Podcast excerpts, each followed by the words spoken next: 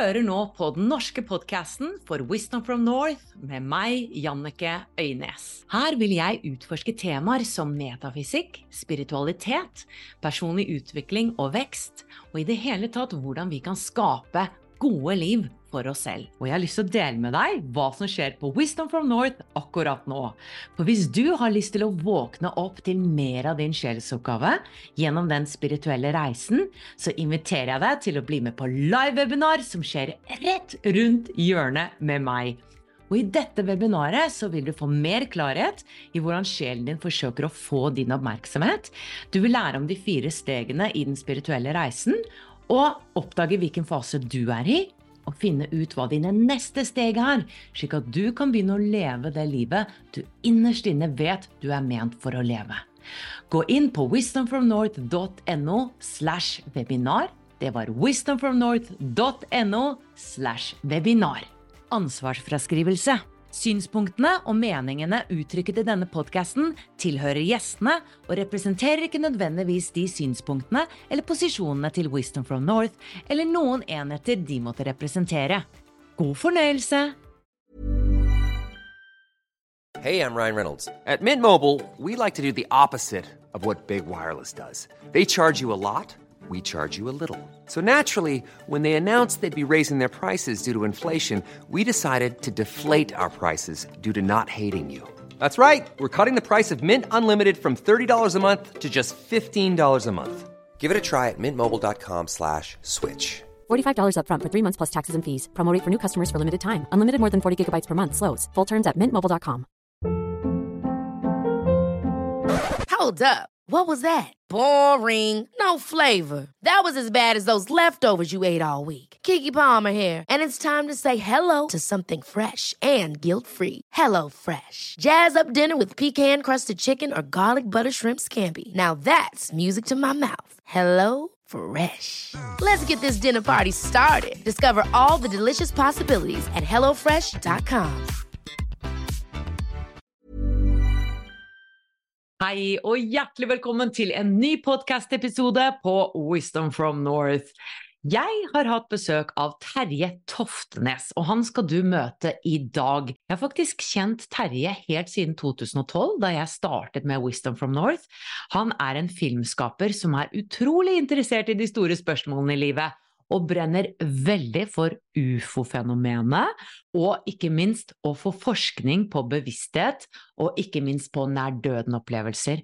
Og grunnen til at jeg hadde lyst til å intervjue han igjen, det er fordi at han har reist land og strand rundt med foredraget Nye paradigmer i emning. Og der spør han om Darwins evolusjonsteori er en villedende forenkling, om genteorien har store mangler, og om kosmologien er på feil spor, og om kvantefysikken kanskje kan forklare livskraft. I dette intervjuet så går vi inn på egentlig forskning og naturvitenskapen, om hvorfor kanskje naturvitenskapen tar ut bevissthet ut av ligningen. Fordi det Terje poengterer i dette intervjuet, det er at naturvitenskapen hevder at bevissthet er et resultat av evolusjon, men at den nye vitenskapen nå som kommer frem, argumenterer for at evolusjon er et resultat av bevissthet. At egentlig så må vi snu alt på hodet.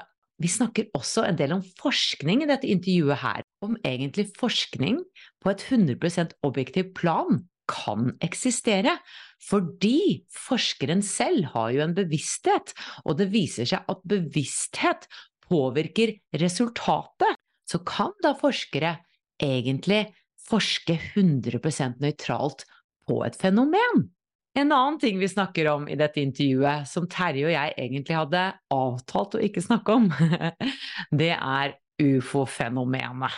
På min engelske kanal så fokuserer jeg mye på ufo-fenomenet og kanalisering av eh, høyere bevissthet osv. Men jeg vet ikke hvor klar Norge er for dette her. Det er i hvert fall en del skepsis, og vi ser jo ikke akkurat mange, mange artikler i norske medier om dette. Men det er et tema som både Terje og jeg brenner for, og derfor kunne vi ikke holde oss selv tilbake. Så det blir en del om ufoer og nyeste forskning på det også. Jeg skal ikke prate lenge i denne innledningen fordi dette er et langt intervju, Men jeg har lyst til å introdusere deg til Terje. Terje driver New Paradigm Films, som er et produksjonsselskap drevet av han selv og hans kone Ragnhild Løken. De har laget dokumentarene Fri fra kreft, Bevissthetens kreative spill, Portalen, Lysfenomenene i Hessdalen, Kornsirkler og Levende helse.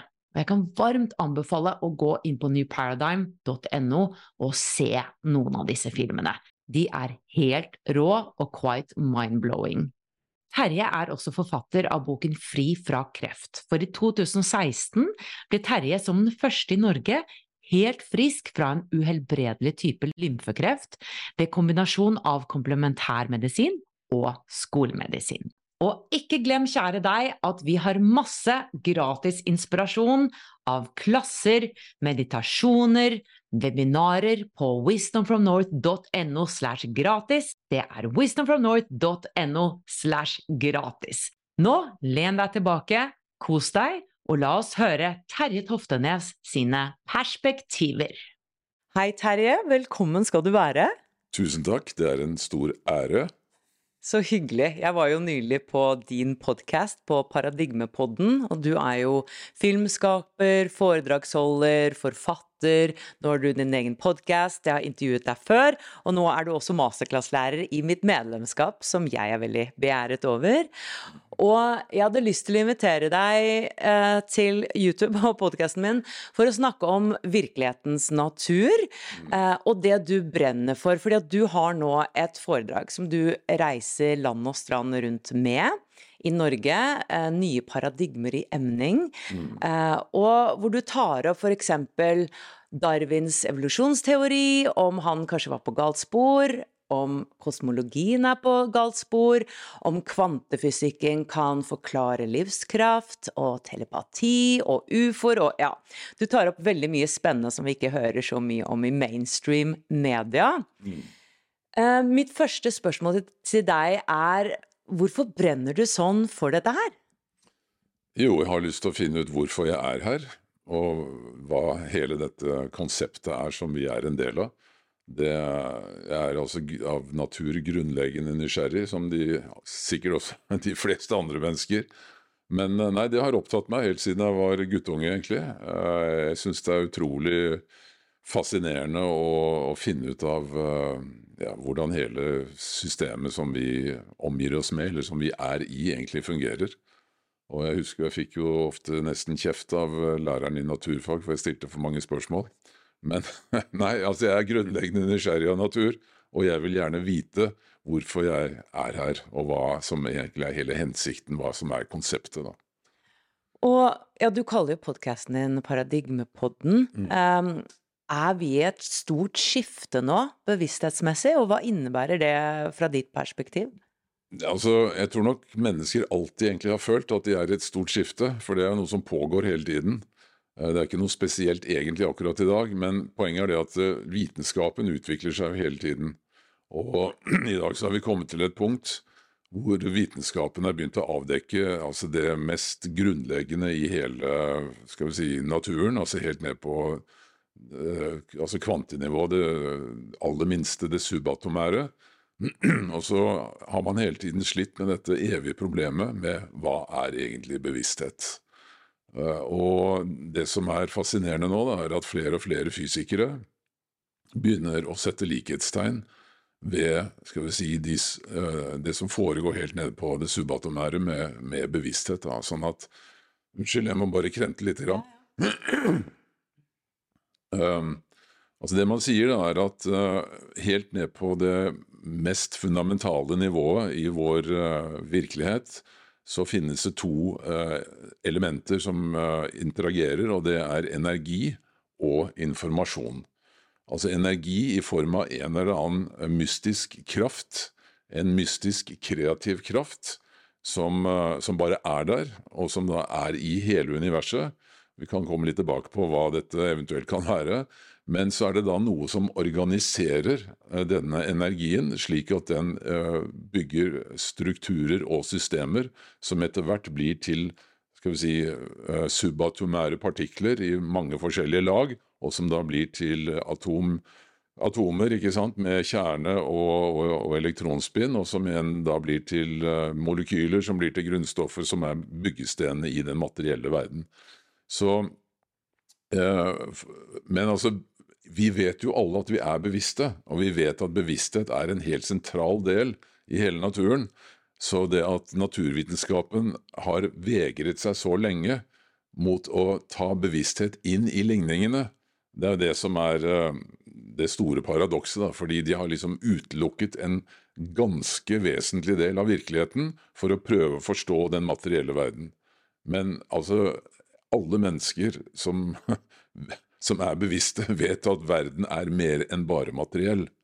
Og nå viser jo også uh, forskning innenfor parapsykologi f.eks. at uh, bevissthet er ikke bare noe som foregår liksom inni hodet ditt. Uh, vi har dokumentert at telepati er et reelt fenomen. At mange Har vi det? Ja, ja. Altså, det har jeg gjort for lenge siden. Altså, vi har forsket på paranormale fenomener i, i laboratorier og på universiteter Eh, og på sykehus eh, verden over i over 100 år. Altså Dette var et kjempetema rundt altså, århundre, forrige århundreskifte, altså fra 18 til 1900. Og Norsk Parapsykologisk Selskap ble jo starta i 1917.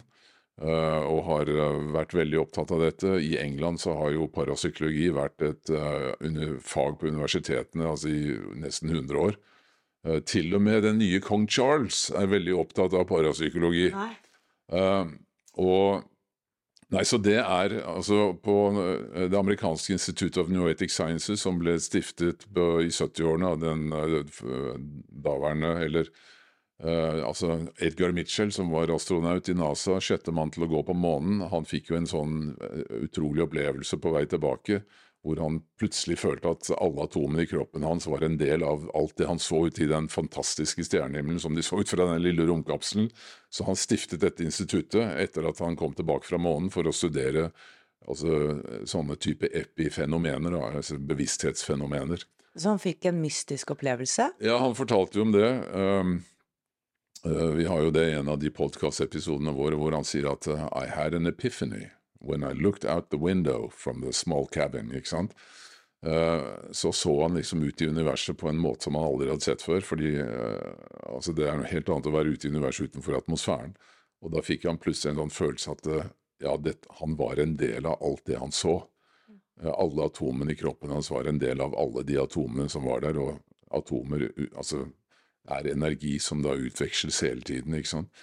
Nei, så han, um, han, grunnla det, og de har jo uh, forsket på bevissthetsfenomener i 40 år. Og en av de sjefsforskerne der, Dean Raden blant annet, som jeg har truffet flere ganger og også intervjuet, han sier jo helt klart at uh, vi har alle bevisene på at uh, telepati funker. Altså, du kan kommunisere over avstand med tankegods uh, gjennom da et eller annet subtilt uh, informasjonsfelt. Dette har vi gjort så mange grundige uh, undersøkelser av med gode vitenskapelige metoder at det, det, er ikke noe tvil lenger. Men uh, problemet er å få kommunisert dette og få, få aksept for det da i, i, vanlig vitenskap. Fordi det Altså, det er et det, det er altså et veldig forstyrrende element. Det er akkurat som placeboeffekten er et veldig forstyrrende element i all form for medisinsk forskning. Altså Vi vet jo det at hvis du får en narrepille som egentlig ikke inneholder annet enn kanskje sukker, eh, og du blir fortalt av den som gir deg pillen at dette er en pille med et virkestoff mot den sykdommen du har, så, har det, så vil du altså I 30% av tilfellene så virker dette som en medisin.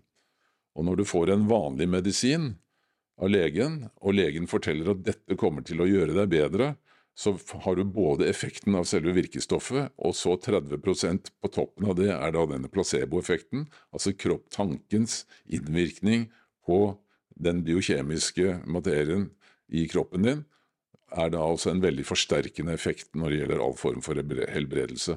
Men det er et veldig forvirrende uh, moment da i medisinsk forskning, fordi uh, du vet ikke om årsaken til at folk blir bedre eller friske, om det er placebo eller om det er selve virkestoffet i den medisinen du gir. ikke sant?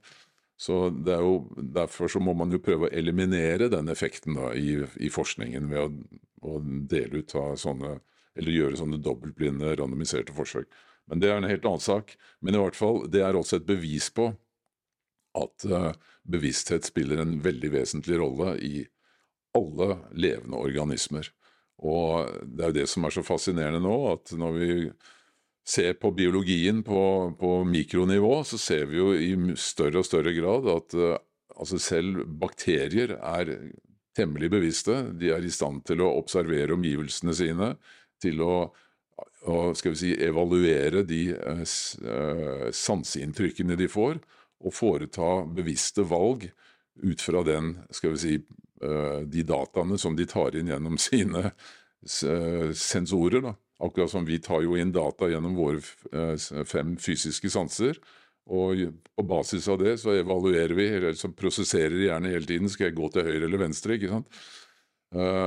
Og dette skjer da egentlig i alle livsformer, til og med i trær og sopp og Altså, hvordan kan maur liksom klare å organisere store samfunn?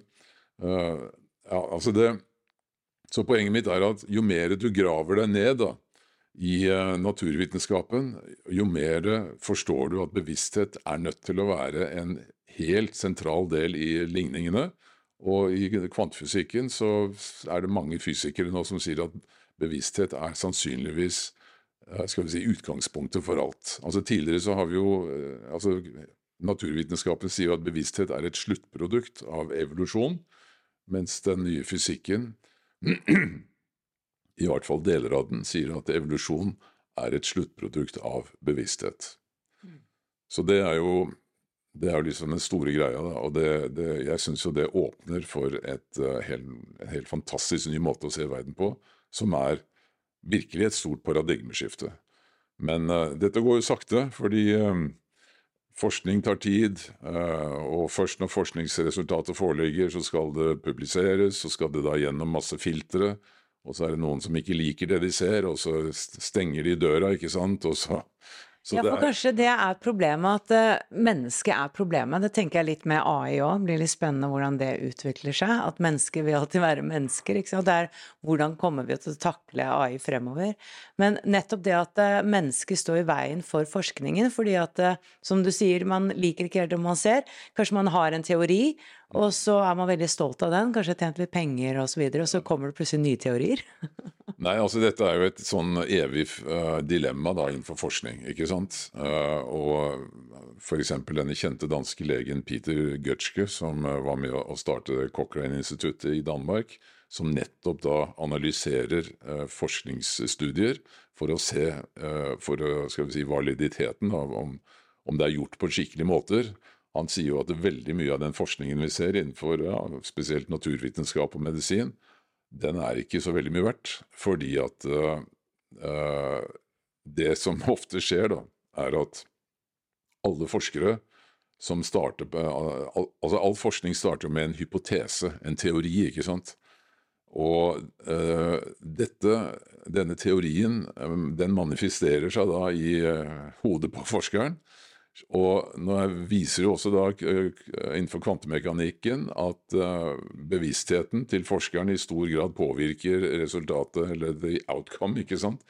Sånn at uh, forskere som da er veldig oppsatt av å prøve å få en bekreftelse på at deres teori er riktig, har en større sannsynlighet til å få den bekreftelsen enn om de hadde et annet utgangspunkt. Og Det som også da skjer, ifølge Peter Gutzke, er at hvis uh, forskningen gir andre resultater enn det forskeren egentlig hadde håpet på, så blir ofte forskningen ikke publisert. Sånn at veldig mye forskning som da egentlig ikke har gitt de ønskede resultatene, den blir rett og slett ikke offentliggjort.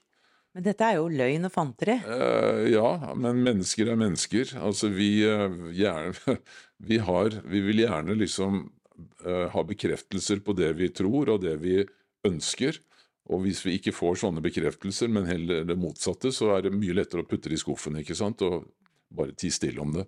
Og det skjer nok i veldig stor grad innenfor forskning. Og det kan du se Altså, Nå har vi jo et kjempeproblem her i Norge, fordi at uh, vi har nettopp fått nye kostholdsråd. Og de kostholdsrådene er basert på forskning, oppsummert forskning som liksom går 20 år tilbake. Og der er det de som da skal utarbeide disse kostholdsrådene, de har jo veldig mange hensyn å ta. Fordi altså det store dilemmaet her jo, er jo det at uh, det er veldig mye ny forskning som viser at ultraprosessert mat, altså sånn type frossenpizza og uh, altså fast food og alt dette her, ikke sant, og mye av den maten som vi finner i, i norske butikker, den jo, inneholder jo veldig mange stoffer som gjør at den skal holde seg veldig lenge i butikkhyllene, for det er mer lønnsomt ikke sant? når maten ikke eh, begynner å gå i forråtnelse etter tre dager i butikken.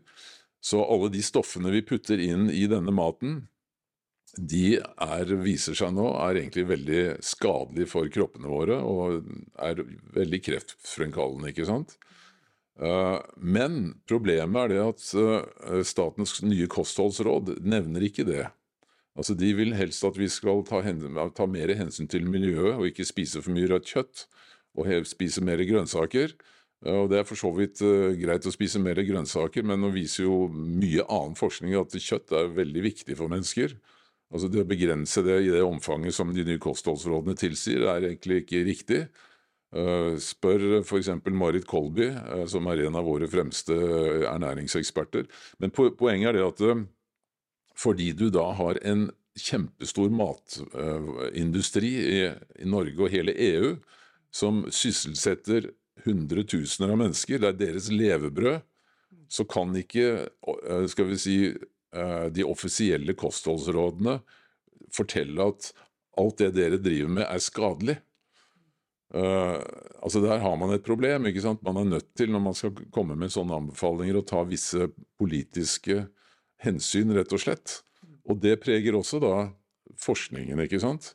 At eh, det er så mange agendaer eller så mange hensyn å ta hele tiden som gjør at, eh, at forskning ofte blir veldig biased, da, som man sier på engelsk, altså blir veldig påvirket av ulike ønsker og behov og, og det ene med det andre. ikke sant? Og de som forsker, de er jo selvfølgelig veldig opptatt av at deres resultater skal gjøre at de også bringes fremover i systemet. De bygger karrieren sin på dette, ikke sant. Så da må du sørge for å, å eh, komme til resultater som er interessante da, for de som skal sponse for, for forskningen, og de som skal eh, eventuelt eh, bestemme om du skal få rykke opp i systemet eller ikke. Så det er så mange faktorer. Men nå ble jo dette en lang prat om forskning, da. Men så det Altså si Forskning på et 100 objektivt plan det eksisterer nesten ikke. Men allikevel, så, så, selv om det er mye dårlig forskning, selv om det er mye rett og slett falsk forskning, selv om det er mye forskning som blir tilbakeholdt, så finnes det også selvfølgelig veldig mye god forskning og veldig mye nyttig forskning. Men det er veldig opp til uh, hver enkelt å sortere da hva hva skal jeg stole på, hva skal jeg ikke stole på? Så kildekritikk og sånn er jo kjempeviktig, ikke sant. Uh, men altså Nå ble jo dette veldig mye om forskning, da, men Ok, men, nei, men, det er viktig, fordi at eh, det er noe med å ha øynene åpne for at uh, man kan forske litt selv, uh, og at det ikke er en sånn derre ovenfra og ned-holdning uh, som Eller det syns jeg det ofte er, da. At eksperter sier det, eksperter sier det. Og så blir vi ikke i samfunnet oppfordret til å finne svar selv. og nettopp som du sier at vi faktisk det, det, er vist da, at vi påvirker det vi ser på. Mm. Observatøren påvirker det vi ser på. Og da er det nesten umulig å være nøytral i noe. Eh, men jeg syns jo det er rart at det er manglende interesse for å eh, søke svar på de store spørsmålene, som hvor vi er og hvor vi kommer fra. At det ikke det er en naturlig Altså religion har jo fått den oppgaven, da, men nå som vi, det ikke er så Norge er så religiøs lenge, vi er mer sekulære, så er det som vi har helt mistet den dimensjonen. Mm. Uh, så vi har liksom kastet ut hele ideen om eh, de store spørsmålene. Tror du at det er noen motstand mot det? Å finne svar på hvem vi egentlig er? At det er et sånn kontrollbehov fra the government Eh, for at de ikke ønsker at eh, en dypere sannhet skal komme frem. at jeg forstår ikke helt all denne motstanden mot forskning på nær døden-opplevelser og åndelighet og all den latterliggjøringen. Hvor tror du det kommer fra? Nei, Det kommer fra dette for det første fordi det er ikke noe penger å tjene på det. enkelt og greit. Altså hvorfor eh, skal du donere Hvorfor skal vi bruke norske skattepenger til å forske på om folk overlever døden eller ikke?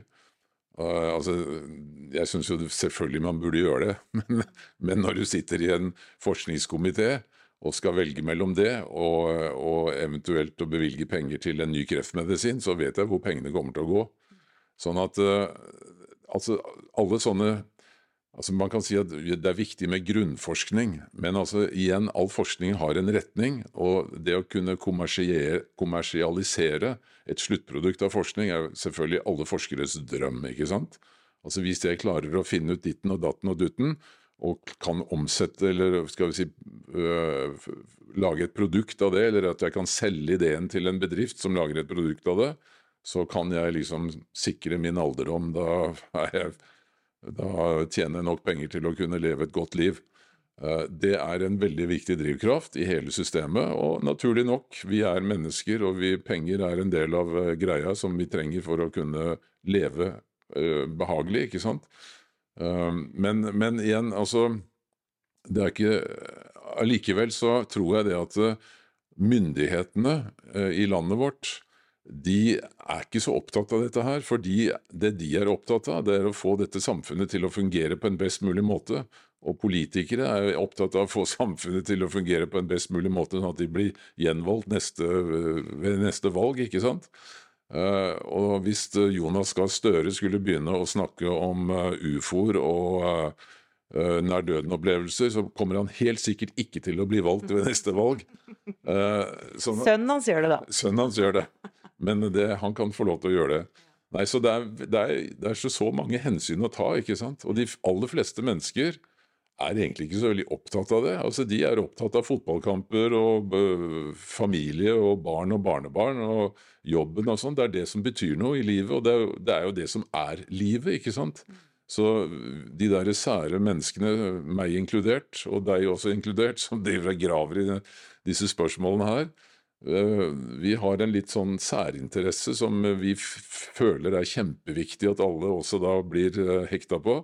Men sannsynligvis er det ikke det. Men allikevel syns jeg det er utrolig interessant. Også. Jeg opplever jo at flere og flere interesserer seg for dette. Flere og flere kommer på webinarene våre, flere og flere ser på YouTube-videoene og lurer på hva som skjer etter de dør. Og det er spesielt når man blir litt eldre også, så begynner man gjerne å stille seg selv spørsmål, fordi at datoen begynner å nærme seg, holdt jeg på å si. Mm. Eh, og man begynner å kjenne at ok, det er ikke så mye igjen av livet, kanskje. Eh, og hva skjer videre? Um, hva, er det, hva, er den største aha-opplevelsen du har hatt i din forskning på virkelighetens natur, som virkelig har hatt en uh, påvirkning på deg, da? Um, altså Den første virkelige aha-opplevelsen min det var når jeg leste boken til Raymond Moody uh, når jeg var på midt i 20-åra på, midt på 70-tallet, eh, som het Liv etter livet, hvor han skrev om en eh, nær-døden-opplevelse. For han han var jo uh, lege, jeg tror han var psykiater, uh, hvis ikke jeg husker helt feil. Uh, og opplevde at folk som hadde hatt altså hjertestans på operasjonsbordet, eller som hadde vært i trafikkulykker osv., kunne fortelle at i en periode så kunne de se kroppen sin utenfra, og de kunne høre hva som foregikk rundt den, døde, døde, altså den såkalte døde kroppen, da, inntil noen klarte å få liv i det igjen. Og så Han ble jo veldig fascinert av dette her, og lurte på om det var liksom bare en sånn spesiell effekt, altså en, nevrologisk effekt i hjernen, eller om det var virkelig reelt, at folk var inne i en annen dimensjon. Så han skrev denne boken, eh, og jeg leste den og fikk en kjempe-aha-opplevelse at dette Wow! Dette betyr jo at jeg faktisk kanskje lever evig. Så det var, og Etter det så var jeg veldig interessert i å få greie på all mulig sånn type litteratur. Eh, den andre store aha-opplevelsen som jeg har hatt, det er uh, i møte med de som hevder at de har vært uh, bortført eller tatt opp i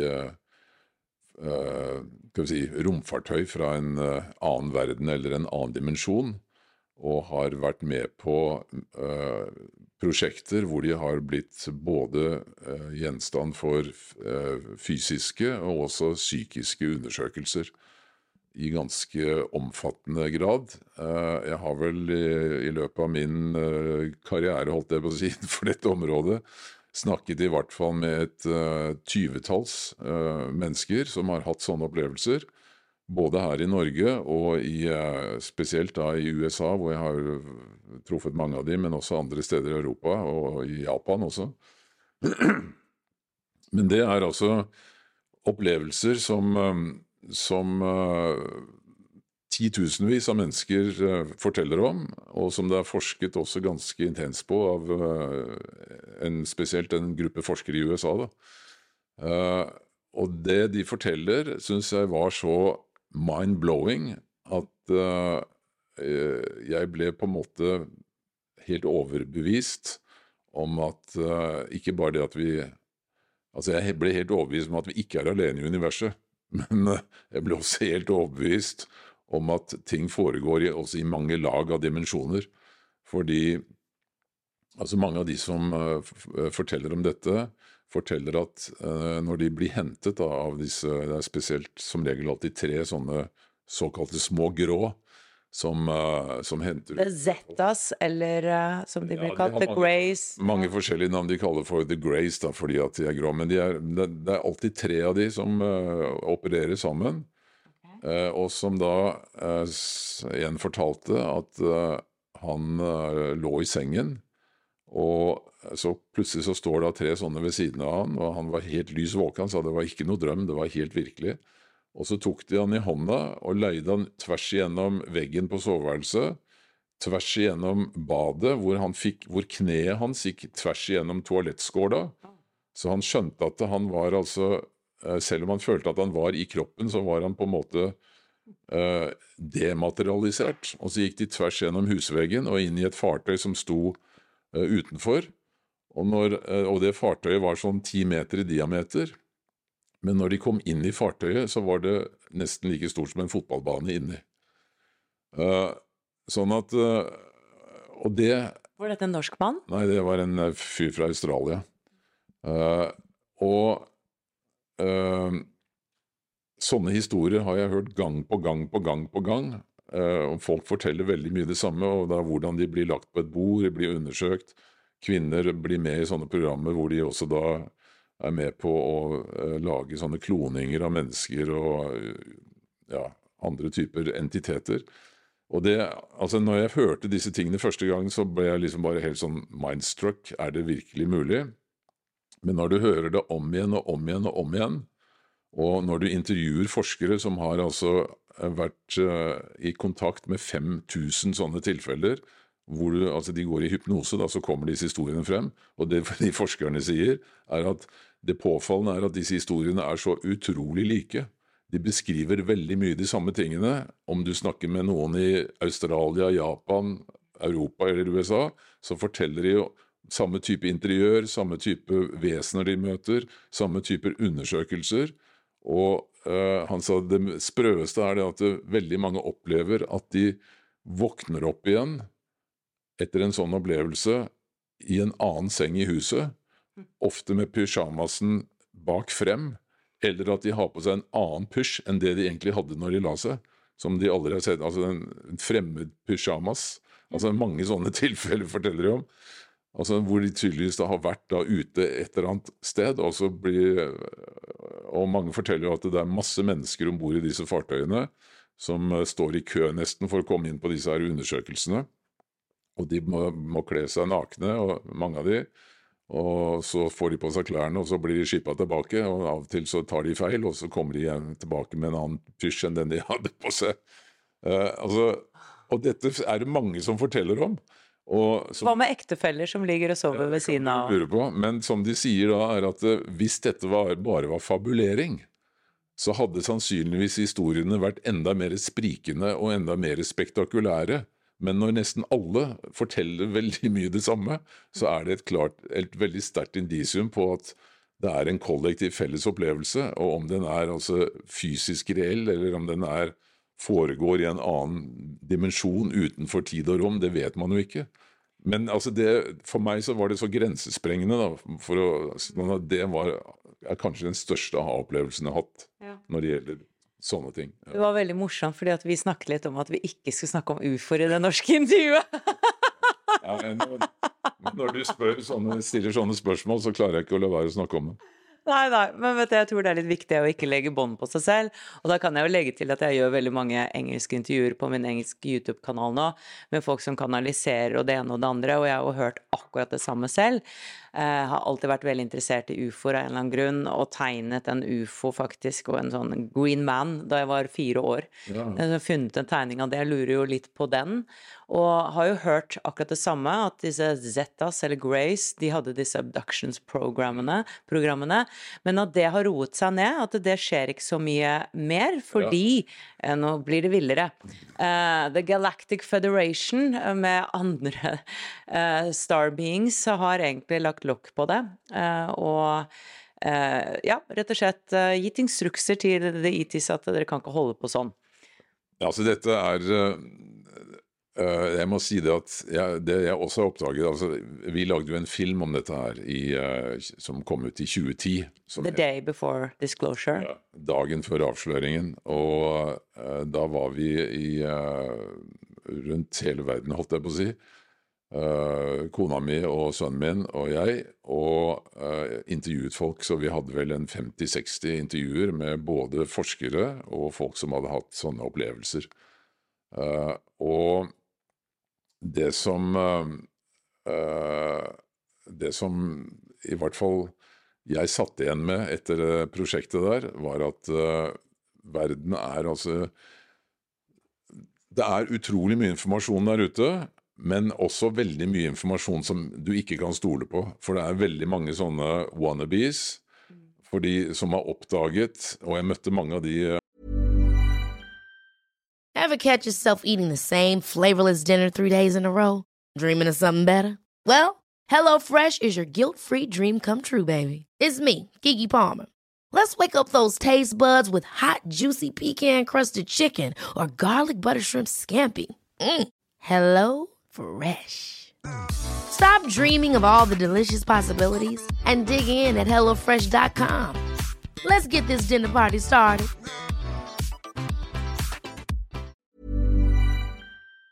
også på så En god del av de intervjuene måtte vi bare putte, la, eller la hvile på harddisken. da.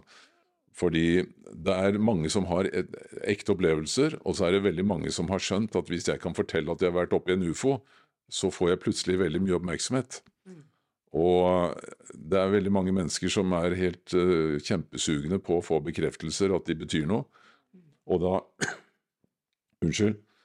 Og da, spesielt på sånne konferanser, så har, har jeg vært med på hørt på en del foredrag som jeg bare føler sånn rent intuitivt at dette er fabulering, fordi at vedkommende da både forteller en litt eh, vel eh, heftig historie, som ikke rimer så mye med ting jeg har hørt før, og samtidig er veldig ivrig på å markedsføre seg selv og på en måte gjøre seg selv synlig. Så det er mye, eh, og når man Så jeg mener det er et terreng som er utrolig vanskelig å manøvrere. Og når jeg traff eh, Edgar Mitchell første gangen, som også har vært veldig inne i dette eh, temaet her, da, så får jeg, jeg sa at jeg hadde tenkt å lage en film om UFO, det globale ufo-fenomenet.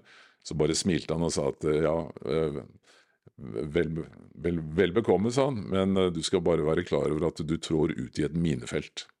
Og det, det er, Den erfaringen har gjort at det er et minefelt. Det er utrolig vanskelig å skille altså, eh, fake fra ekte. Så du må være ekstremt påpasselig, for det er så lett å gå i feller. Altså Bare det der ordet som du brukte nå, Galactic Federation, det er noen som mener at de eh, da kanaliserer noen som hevder at de er det. Men at vi har jo ingen bevis for det. ikke sant? Det kan like godt være et medium som har funnet ut at uh, hvis jeg lanserer det der, så får jeg plutselig masse tilhengere på YouTube og, og Instagram og det ene med det andre. Så altså, nå skal ikke jeg diskreditere de som gjør det, men man, mitt råd er i hvert fall at du skal være utrolig forsiktig med å hoppe på sånne ting. Du må virkelig grave skikkelig i det før du eh, begynner å ta det for god fisk. Også. Ja, og jeg tror man må kjenne om det resonnerer eller ikke, fordi jeg har jo hatt mine mystiske og åndelige opplevelser, og det kan jo folk velge å tro på eller ikke, men jeg vet jo at det er sant, at det er like sant som at jeg sitter her, da. Det- det, så jeg, jeg tror, ikke sant det, Ja, det er mange mennesker som lyver. Absolutt. Og vi kommer tilbake til mennesket igjen. eh, at mennesket har flas. Og så er det mange som også snakker sant. Så jeg er helt enig med deg. Eh, men litt tilbake til eh, altså disclosure. Det er jo litt artig at du har laget en film 'The Day Before Disclosure'. For det har jo egentlig vært en slags disclosure nå. Vil du ikke si det? altså dette fenomenet da, med skal vi si ufo-fenomenet, for å bruke et sånt litt eh, egentlig gammeldags uttrykk, Mm. eh, det er jo noe som eh, mennesker har observert og vært opptatt av i, spesielt etter annen verdenskrig, altså de siste 70-75 årene. Fordi da var det utrolig mange observasjoner av disse tingene i, på slutten av 40-tallet og 50-tallet. Ikke bare i USA, men også i Norge og ja, altså hele, over hele verden. I Russland. Eh, kineserne snakker ikke så mye om det, men det er helt opplagt at det har vært like mye der òg. I Japan var det mye. Australia også. Overalt. Eh, sånn at eh, Ja, for dette Roswell var vel det som Ja, eh, det- det hele startet med. det, det, ja, det var i hvert fall en av de tingene som skjedde. da. Eh, Roswell, altså dette så, såkalte krasjet da i uh, juli i eh, 1947. Hvor, uh, hvor det falt ned en sånn uh, stort et skip med fire eller fem sånne entities, eller ja, utenomjordiske.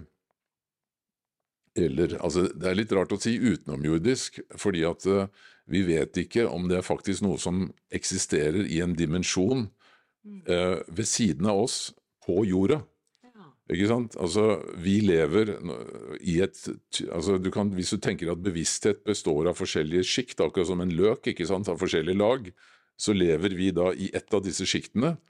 Men det kan hende at det er like mye liv i det sjiktet som er over oss eller under oss, men som eh, rent fysisk eller eh, ja, lokalitetsmessig er knyttet til det samme punktet da, i universet, eller i, i tid og rom. ikke sant?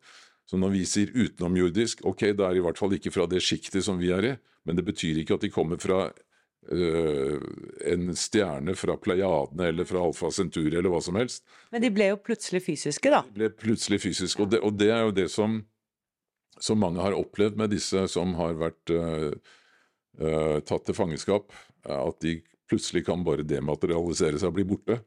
Øh, øh, men det er en, lang annen historie. Men i hvert fall det krasjet, det, det var da en sånn ufo som gikk i bakken, fordi de drev og sirklet rundt det stedet hvor amerikanerne hadde bygget en sånn kjempesterk radar for å følge eh, rakettene som de da drev og bygde rett etter krigen.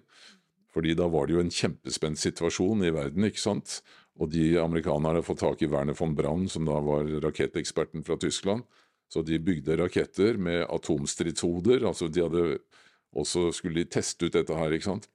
Og da hadde de bygd en kjempekraftig radar for å følge disse rakettene opp. Og det som er storyen, er at enkelte sånne uh, utenomjordiske, for å bruke det uttrykket, kom inn i denne rakett, kraftig magnetfeltet som denne radaren var. Og dermed så ble deres egne styringssystemer ustabile, og så krasja de. Og det skjedde visstnok da en fire-fem ganger i det samme området, da i New Mexico. Men i hvert fall, det ene krasjet det fikk jo svært avisoppslag eh, dagen etter, fordi det var en bonde som så dette, og så kom militæret og, og så videre, og, og to dager etterpå så stod, hadde militæret en forklaring på at det var en værballong, men det var jo flere som hadde sett det, og, og begravelsesbyrået i Roswell fikk bestilling på fire kister til noe som skulle da være ca. en 20 langt, og disse små grå da, som, som mange snakker om, er jo nettopp akkurat så store. da. Nei, så Det var veldig mye som tydet på at dette var et ekte krasj, og at det, den ble fjernet. og Visstnok da en av disse skal vi si, pilotene i det fartøyet som overlevde, mens de andre døde. Eh, Og Det som har kommet frem nå, altså når vi snakker om disclosure nå, nå det blir litt mye sånn surr rundt grøten her, men dette krasjet har jo liksom vært det legendariske, og så har det vært mange andre krasj, mener man. Men det som har, og dette har liksom stort sett bare vært lagt lokk på, da, tilbakevist av myndigheter og, og mediene liksom har omtalt det litt sånn latterlig, ikke sant. Eh, Men det har vært et hett tema da i, eh, i, i ufologien, eller på alle sånne ufo-konferanser eh, i alle år. Men nå har det da kommet frem at eh, ganske nylig, nå faktisk i, bare for en uke siden, at, eh, en av de som har uh, drevet disse skal vi si, offisielle programmene i USA, eller ikke offisielle i den forstand at det har vært i skal vi si, publikums i full åpenhet, men amerikanerne har hatt sånne forskjellige prosjekter for å undersøke disse tingene. Da.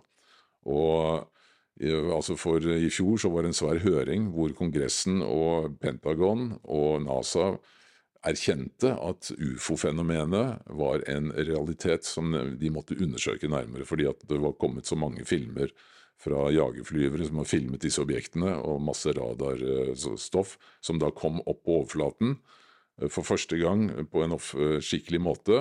Og det som har skjedd nå nettopp, er at en av disse som har ledet et av disse her, skal vi si, etterforskningsprogrammene, da, eh, som heter David Grush, Eh, han har nå stått fram og fortalt uh, i full offentlighet på amerikansk TV at han vet helt sikkert at det finnes flere sånne fartøyer i forvaring hos amerikanske myndigheter, som de har drevet og skal vi si, back-engineered, altså prøvd å, å, finne ut hva slags teknologi det er, det er laget, og hva slags materialer de har laget osv., som de har jobbet med i, i mange, mange, mange år. Og han mener at eh, nå er tiden kommet for at dette må altså, ut i full offentlighet. Men det er igjen som å ta altså åpne lokket på et vepsebol. Fordi eh, det er så ekstremt mange implikasjoner. Altså ja, bare at de sitter på teknologi som andre land kan være meget interessert i? Eller som uh, folk med veldig dårlige hensikter kan være veldig interessert i. Eksempel Uh, altså De har jo helt eh, opplagt klart å knekke en del av de kodene som ikke vi har knokket. F.eks. det om kunne, å kunne kontrollere gravitasjon. Fordi de beveger seg altså De flyr ikke sånn som våre fly. De bare beveger seg i, i, et, i en kjempehastighet altså med hjelp av å kunne kontrollere altså gravita gravitasjonskrefter. Det er det man har funnet ut.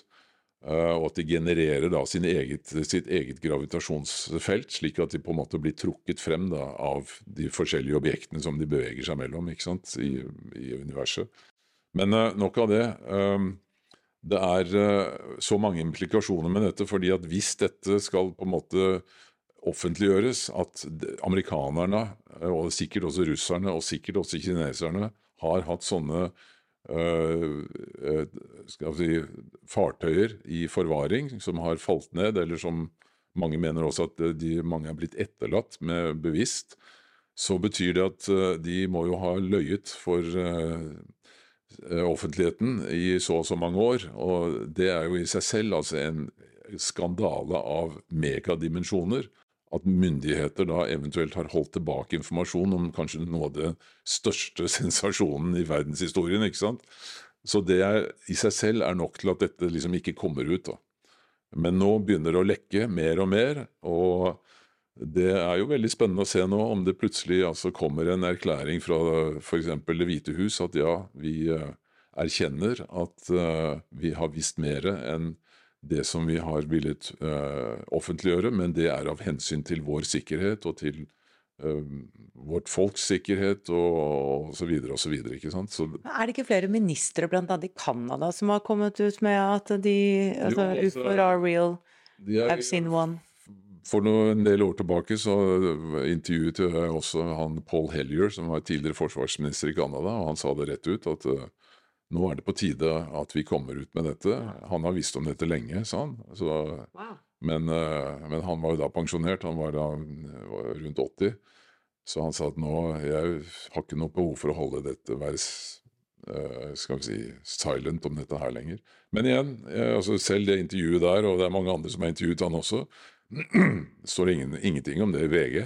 Det var akkurat det jeg skulle si, at jeg syns det er så rart at det er sånn yeah, By the way, ufoer, uh, they exist. Uh, men over til en kar som falt i grøfta. Altså, det er mye mer interessant å se at uh, Kim Kardashian er gravid, altså, enn, eller hva hun heter for noe, enn at vi har besøkt fra det, det ytre verdensrom. liksom, det er ja, nei, så, Men sånn er vi mennesker. Vi er Altså, livet foregår rett rundt vår lille Eh, boble som vi lever i. Og hvis noe liksom begynner å forstyrre den bobla, så, så, føler vi at det er ubehagelig. Og det er nok det som er eh, en av de største grunnene eh, til at eh, dette ikke er eh, publisert i noe særlig grad, og at mediene egentlig ikke vil ta i det. Fordi at eh, det åpner, altså, som jeg sier, det, det, er, et, det er som å ta lokk av et vepsebol, og ingen vet hvor de vepsene flyr og hvor de stikker. Det er jo som å gå down the rabbit hole. Jeg har jo vært på litt ufo-konferanse selv. By the way, så var det en det var vel, Jeg var den eneste kvinnen der, tror jeg. Det var masse menn. Jeg tror det, det var en konferanse med 200 menn eller noe sånt. Mens når det gjelder kanaliseringer og sånn, da er det kvinner som er interessert i det. så det er litt sånn skilt.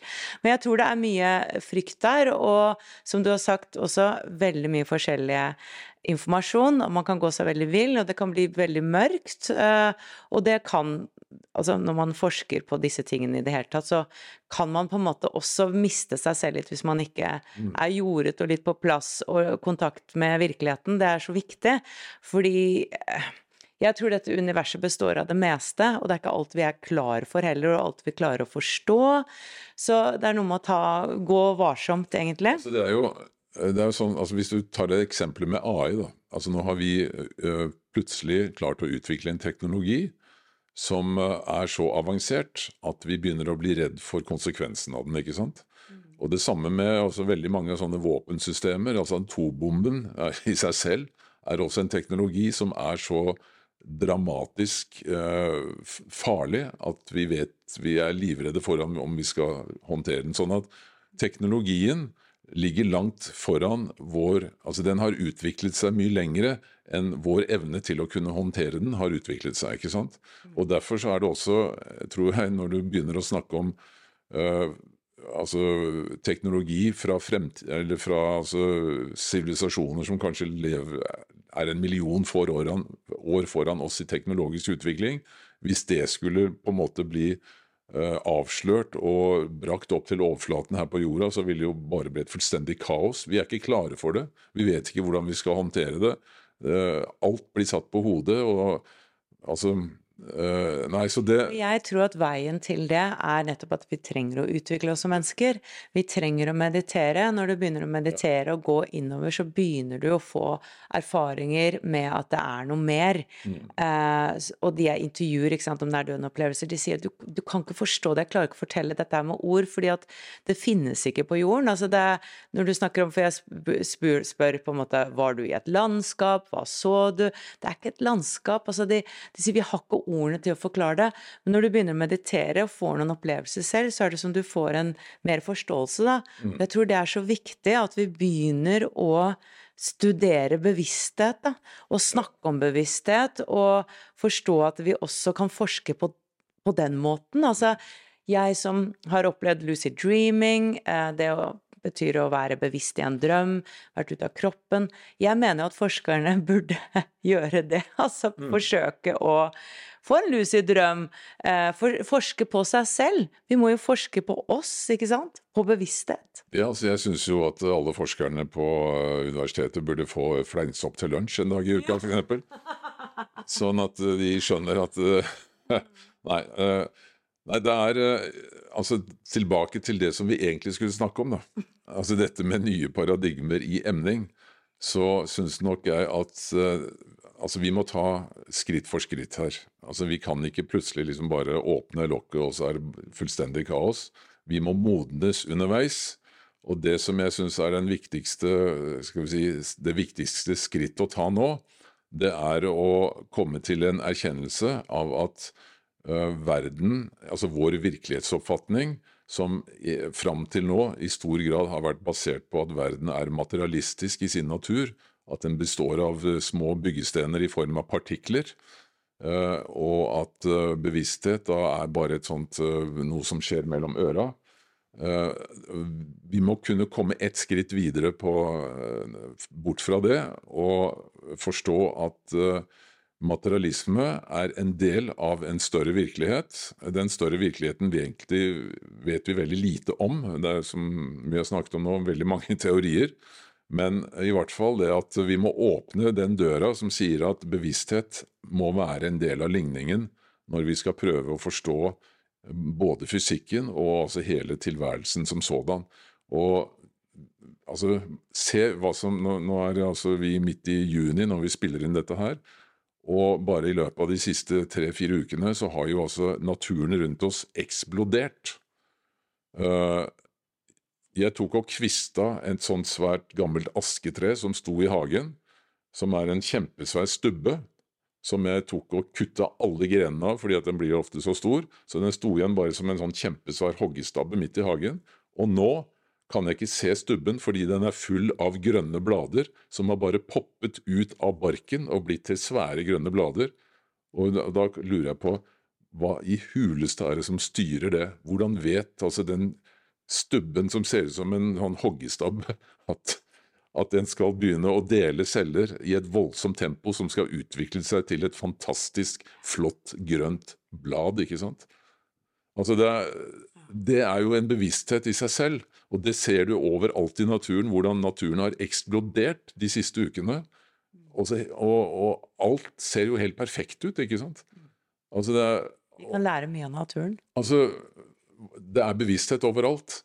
Og igjen, altså når du Unnskyld. Når du begynner å, å, å utfordre eh, se- disse evolusjonsteoriene, da, som vi har jo altså Darwins evolusjonsteori, som ble utvikla for eh, 100 eller for, altså på slutten av 18, eller midt på eh, 1800-tallet, som forteller oss at hele naturen er liksom bare utviklet skritt for skritt pga. grunn av tilfeldige eh, mutasjoner, altså at eh, arvestoffet har tilfeldigvis eh, endret seg hos et eller annet individ, og så har det fått en fordel som gjør at det var lettere for det individet å skaffe seg mat og overleve, og ikke bli spist av andre, og kunne da pare seg og føre arven videre. Og på den måten, sånn sakte, men sikkert, så har på en måte naturen utviklet seg. Eh, Det var en modell, en forståelsesmodell, som funka da for, i 1859, når boken hans eh, 'Origin of the Species' eh, ble publisert. Men i dag, altså eh, 170 år etterpå, så er det fremdeles denne teorien som er, danner basis for skal vi si, forståelse av biologien på våre universiteter. Norske professorer som står fremdeles helt fast i at eh, denne altså naturlige seleksjonen, da, denne måten å utvikle verden på, eh, på basis av helt eh, grunnleggende tilfeldigheter, det er fremdeles hovedteorien. Bevissthet blir ikke nevnt med et ord. ikke sant? Altså Det eneste er at bevissthet kanskje er noe som har oppstått helt til slutt.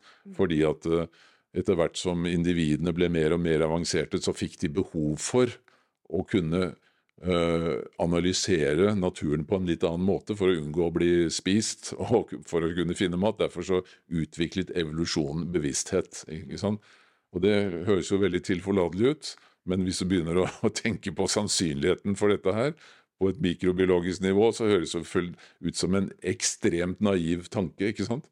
Fordi eh, en av de tingene som da blir brukt nå mot eh, denne teorien, er jo det at altså på, hele naturen består av veldig, veldig komplekse systemer. Altså, en klokke er også et komplekst system av Det er sikkert altså 20-30 tannhjul, bitte små tannhjul inni denne klokka. Hvis du plukker ut ett tannhjul, så stopper hele klokka. Eh, Et operativsystem på en PC består av en, eh, millioner av ener og nuller som er satt sammen eh, etter en ganske grunnleggende og velutviklet arkitektur. Hvis du stikker en knappenål inn i en av de der bitte, bitte små bitene inni der, og ødelegger noen av de enene og nullene, så funker ikke systemet. Sånn at alle disse tingene må være på plass samtidig. Altså, øh, alle systemene i kroppen må være Altså, hø hørsel, som er et helt sinnssykt avansert instrument, for at det skal funke i det hele tatt, så må alt være på plass der. Du kan ikke utvikle hørsel gradvis bare ved hjelp av tilfeldigheter. Så når du begynner å Nå skal jeg ikke lage noe langt foredrag om det, men når du begynner å se på naturen med sånne øyne, er, så er altså det vi kaller for ikke-reduserbar kompleksitet, det er altså spikeren i kista på Darwins teori.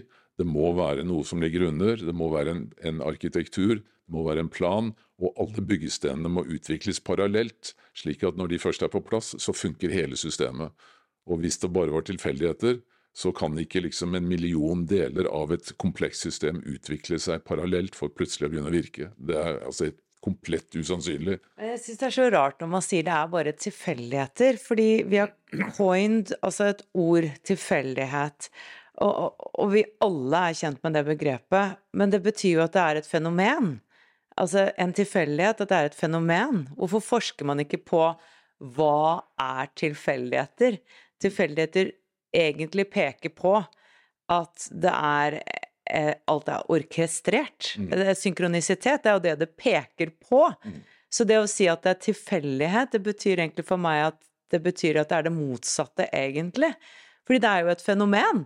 Jeg vet ikke om du fulgte den, men altså, det er jo det, det du kommer tilbake til, da, og det er jo også når du forsker på bevissthet, så kommer det jo altså dypere og dypere ned i, i nivå, som sier at kvantefysikken har jo funnet ut at uh, altså energi og informasjon er det grunnleggende i uh, vår natur. Uh, altså helt ned på Planck-nivå, da, som er liksom det minste tenkelige nivået. Men det er altså sydere, det er et hav av energi. Men energien, energien blir da organisert av en type informasjonsstruktur som gjør at du kan begynne å bygge disse stenene som blir til materielle objekter. Men, men det er et spørsmål som det er helt umulig å svare på. Det er hvor kommer den energien fra? Og det er liksom spørre hvor kom Gud fra? ikke sant? Ja. Altså hva var det som var før the big bang? Uh, hva, hva er det som er utenfor universet? Altså det er helt, helt umulig å svare på. Og det tror jeg også er en av grunnene til at forskerne ikke har så veldig lyst til å gå ned den veien der. Altså. For du møter en vegg som du som ikke, Du har ikke sjans å komme gjennom, i hvert fall ikke med vår menneskenatur. Det kan godt hende at den dagen vi dør og går inn i en annen type dimensjon, at vår bevissthet transformeres da inn i en helt annen type virkelighet, at vi kan finne noe mer av svarene der. Men altså i denne, så lenge vi er mennesker i denne fysiske virkeligheten med en begrenset form for dagbevissthet Jeg tror at hjernen fungerer like mye som et filter for en større del av bevisstheten. Sånn at vi, vi har, fått, vi har liksom fått et bevissthetsnivå som er akkurat nok til at vi kan navigere og manøvrere i denne 3D-verdenen. ikke sant? Og vi har et uh, emosjonelt eh, apparat, vi har et følelsesapparat som på en måte er kompass, en del av kompassystemet, eller en del av navigasjonssystemet. Uh, Sånn at vi kan gjøre, gjøre opplevelser her. Og jeg tror altså, Dette blir jo igjen da spekulasjon, men jeg tror veldig mye av hele poenget, altså det konseptuelle eh, den konseptuelle ideen bak det å være et menneske, er at du skal være en eh, At du skal gjøre erfaringer i denne verden. Fordi hvis du tenker at bevissthet er altomfattende, at det er alt som er, som veldig mange hevder, ikke bare forskere og dagens spirituelle eh, profeter, for å si det sånn, eller filosofer, men også hvis du går inn i eh, altså, gamle visdomstradisjoner, som f.eks. vediske visdomstradisjoner, så sier du det at det er altså bevissthet som er grunnleggende. ikke sant? Men at denne bevisstheten har en drivkraft fordi den ønsker å utvikle seg, og for å utvikle seg så må den hele tiden være i en lærende prosess, altså må være en feedback loop, slik at når du når denne bevisstheten da har eh, skal vi si, eh, spaltet seg i milliarder av singulariteter, eh, så, så Og alle disse singularitetene da, i form av alle mulige typer organismer eh, er i stand til å både observere, vurdere og gjøre egne valg, så betyr det at bevisstheten har på en måte gitt fritt spillerom til at den kan undersøke seg selv på alle mulige tenkelige måter. ikke sant?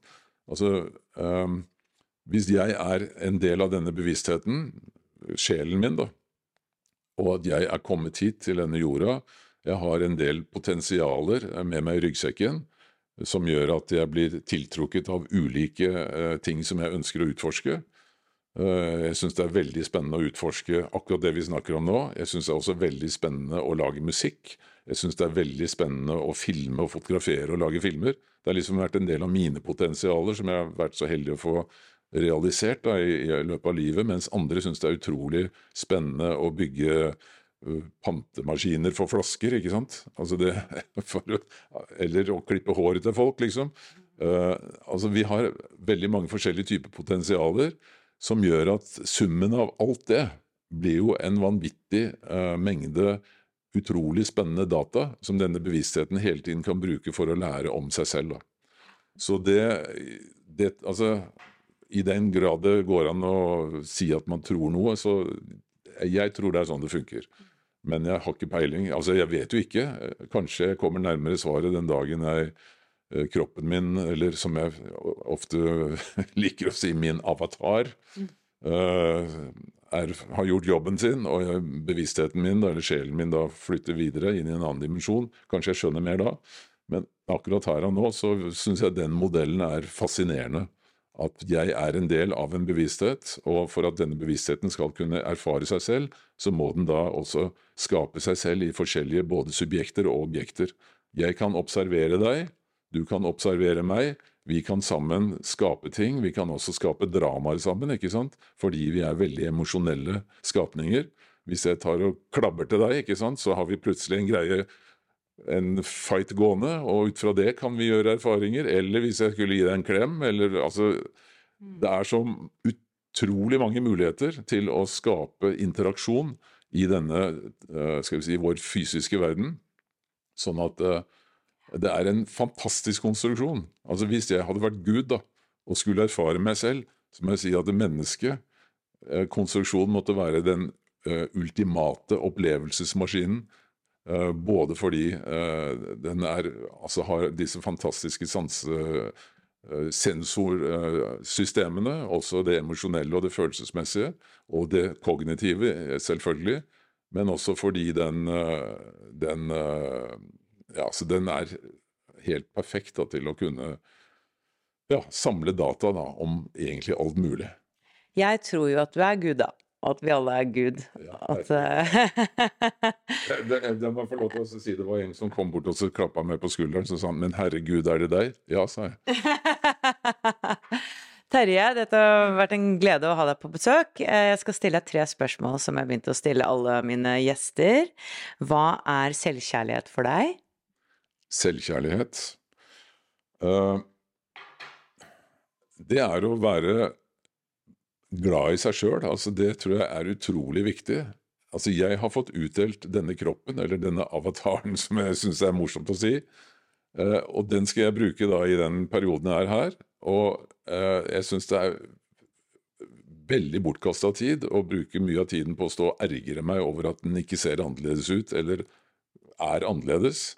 Det er dette verktøyet jeg har fått for å bruke i, i denne opplevelsen, og det verktøyet er jeg utrolig takknemlig for at jeg har fått. Jeg er utrolig takknemlig for at jeg får lov til å være her i, i 70-80-90 eh, år. Nå er jeg blitt 73, da.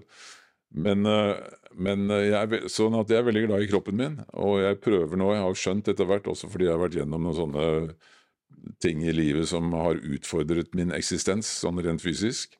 Eh, så jeg prøver å ta godt vare på den, sånn at jeg kan ha den lengst mulig. Og hva er lykke for deg? Lykke er å kjenne en berusende følelse av at ja, av at jeg er glad. Altså, det er vanskelig å beskrive med ord, men det er bare en sånn følelse inni deg som gjør at du bare har lyst til å Wow! Mm. Altså, ja, yes! Fy flate, dette er gøy! Altså, jeg elsker å være her, ikke sant? Altså, jeg, har, jeg tror alle har sånne øyeblikk innimellom hvor du føler at det, det er så utrolig kult og ålreit å være her på denne jorda. Uh, det er, det er ofte det, er, det, kan være langt mellom de, fordi vi er så opptatt av alle dagliglivets utfordringer. Du våkner om morgenen til 'Å, faderullan, i dag skal det dit og datt, hvordan skal jeg rekke det?' Og så kommer han, ikke sant, og da skal vi ha forberedt det. Og hva skal vi ha til middag? Å, vi skal jo reise til helgen, har glemt å gjøre det. Ikke sant? Altså, Det er så fullt av sånne greier hele tida. Så vi, vi, vi, får liksom ikke tid til å skal vi si, sanse eller de der øyeblikkene av lykke. Men altså, det kan være å våkne om morgenen ved siden av partneren din og legge armen rundt partneren din og gi en god klem og si takk for at vi ligger i denne samme senga og skal starte på en ny dag sammen. Det er også et utrolig sånn lykkelig øyeblikk. Eller å oppleve et barnebarn som ser deg inn i øynene og gir deg en varme som blir bare helt sånn satt ut av. ikke sant? Altså, det er så mange muligheter, men lykke er liksom den der voldsomme følelsen av en sånn brusende kjærlighetsfølelse inni deg. Og eh, jeg vet ikke om det går an å si kort, eh, men litt kort, hva er meningen med livet fra ditt perspektiv? Ja, nå har jeg lett for å bli flåsete, men jeg tror meningen er å være mest mulig lykkelig. Fordi i jakten på det så opplever du så utrolig mye på veien. Eh, så det er jo det som er driven, da. Som er, som er altså gulroten. Det er å prøve å bli å, å jage etter den følelsen av lykke og kjærlighet. Det Suget etter det er så sterkt at på den veien så gjør vi utrolig masse spennende erfaringer på godt og vondt. Uh, og jeg tror alle de menneskene som uh, tilsynelatende gjør dårlige ting, eller vonde ting, de gjør det egentlig fordi at de jakter etter lykke og kjærlighet. Uh, og jeg hadde en gang en sånn svær plakat som jeg hadde hengende på kontoret, på engelsk, som sa det at No one does ever anything inappropriate given their model of the world. Altså alt det du gjør, kan du egentlig forsvare med at det er uh, riktig av deg å gjøre i det øyeblikket du gjør det, fordi det trekker deg i den retningen som du egentlig vil. Så selv når du uh, å si, tar livet av et annet menneske, så er det de fleste som gjør det, de gjør det fordi at de har en hensikt med at det skal bringe de et skritt videre i, mot noe som de ikke har. Uh, se på denne krigen, forferdelige krigen som vi har nå i Europa. Altså, hvorfor skal mennesker slaktes uh, i tusenvis hver eneste dag for å slåss over noen uh, ødemarker nedi der, ikke sant? Det er jo helt fullstendig surrealistisk, men allikevel, de som er der, de føler at de har en mission, de har en mening. De skal prøve å gjøre verden bedre og gjøre det bedre for seg og sine ved at de ofrer eventuelt livet sitt for det. ikke sant? Altså det, men sånn er vi mennesker. Det har vært en glede å ha deg på besøk, og masse lykke til med foredrag og podkasten din. Tusen takk, Jannicke. Og det er en glede for meg å få lov til å sitte her og skravle om det som jeg syns er så utrolig fascinerende og spennende sjøl. Hi, I'm Daniel, founder of Pretty Litter. Cats and cat owners deserve better than any old-fashioned litter. That's why I teamed up with scientists and veterinarians to create Pretty Litter. Its innovative crystal formula has superior odor control and weighs up to 80% less than clay litter. Pretty Litter even monitors health by changing colors to help detect early signs of potential illness. It's the world's smartest kitty litter. Go to prettylitter.com and use code ACAST for 20% off your first order and a free cat toy. Terms and conditions apply. See site for details. Ever catch yourself eating the same flavorless dinner three days in a row? Dreaming of something better? Well, HelloFresh is your guilt-free dream come true, baby. It's me, Kiki Palmer. Let's wake up those taste buds with hot, juicy pecan-crusted chicken or garlic butter shrimp scampi. Mm. Hello Fresh. Stop dreaming of all the delicious possibilities and dig in at HelloFresh.com. Let's get this dinner party started.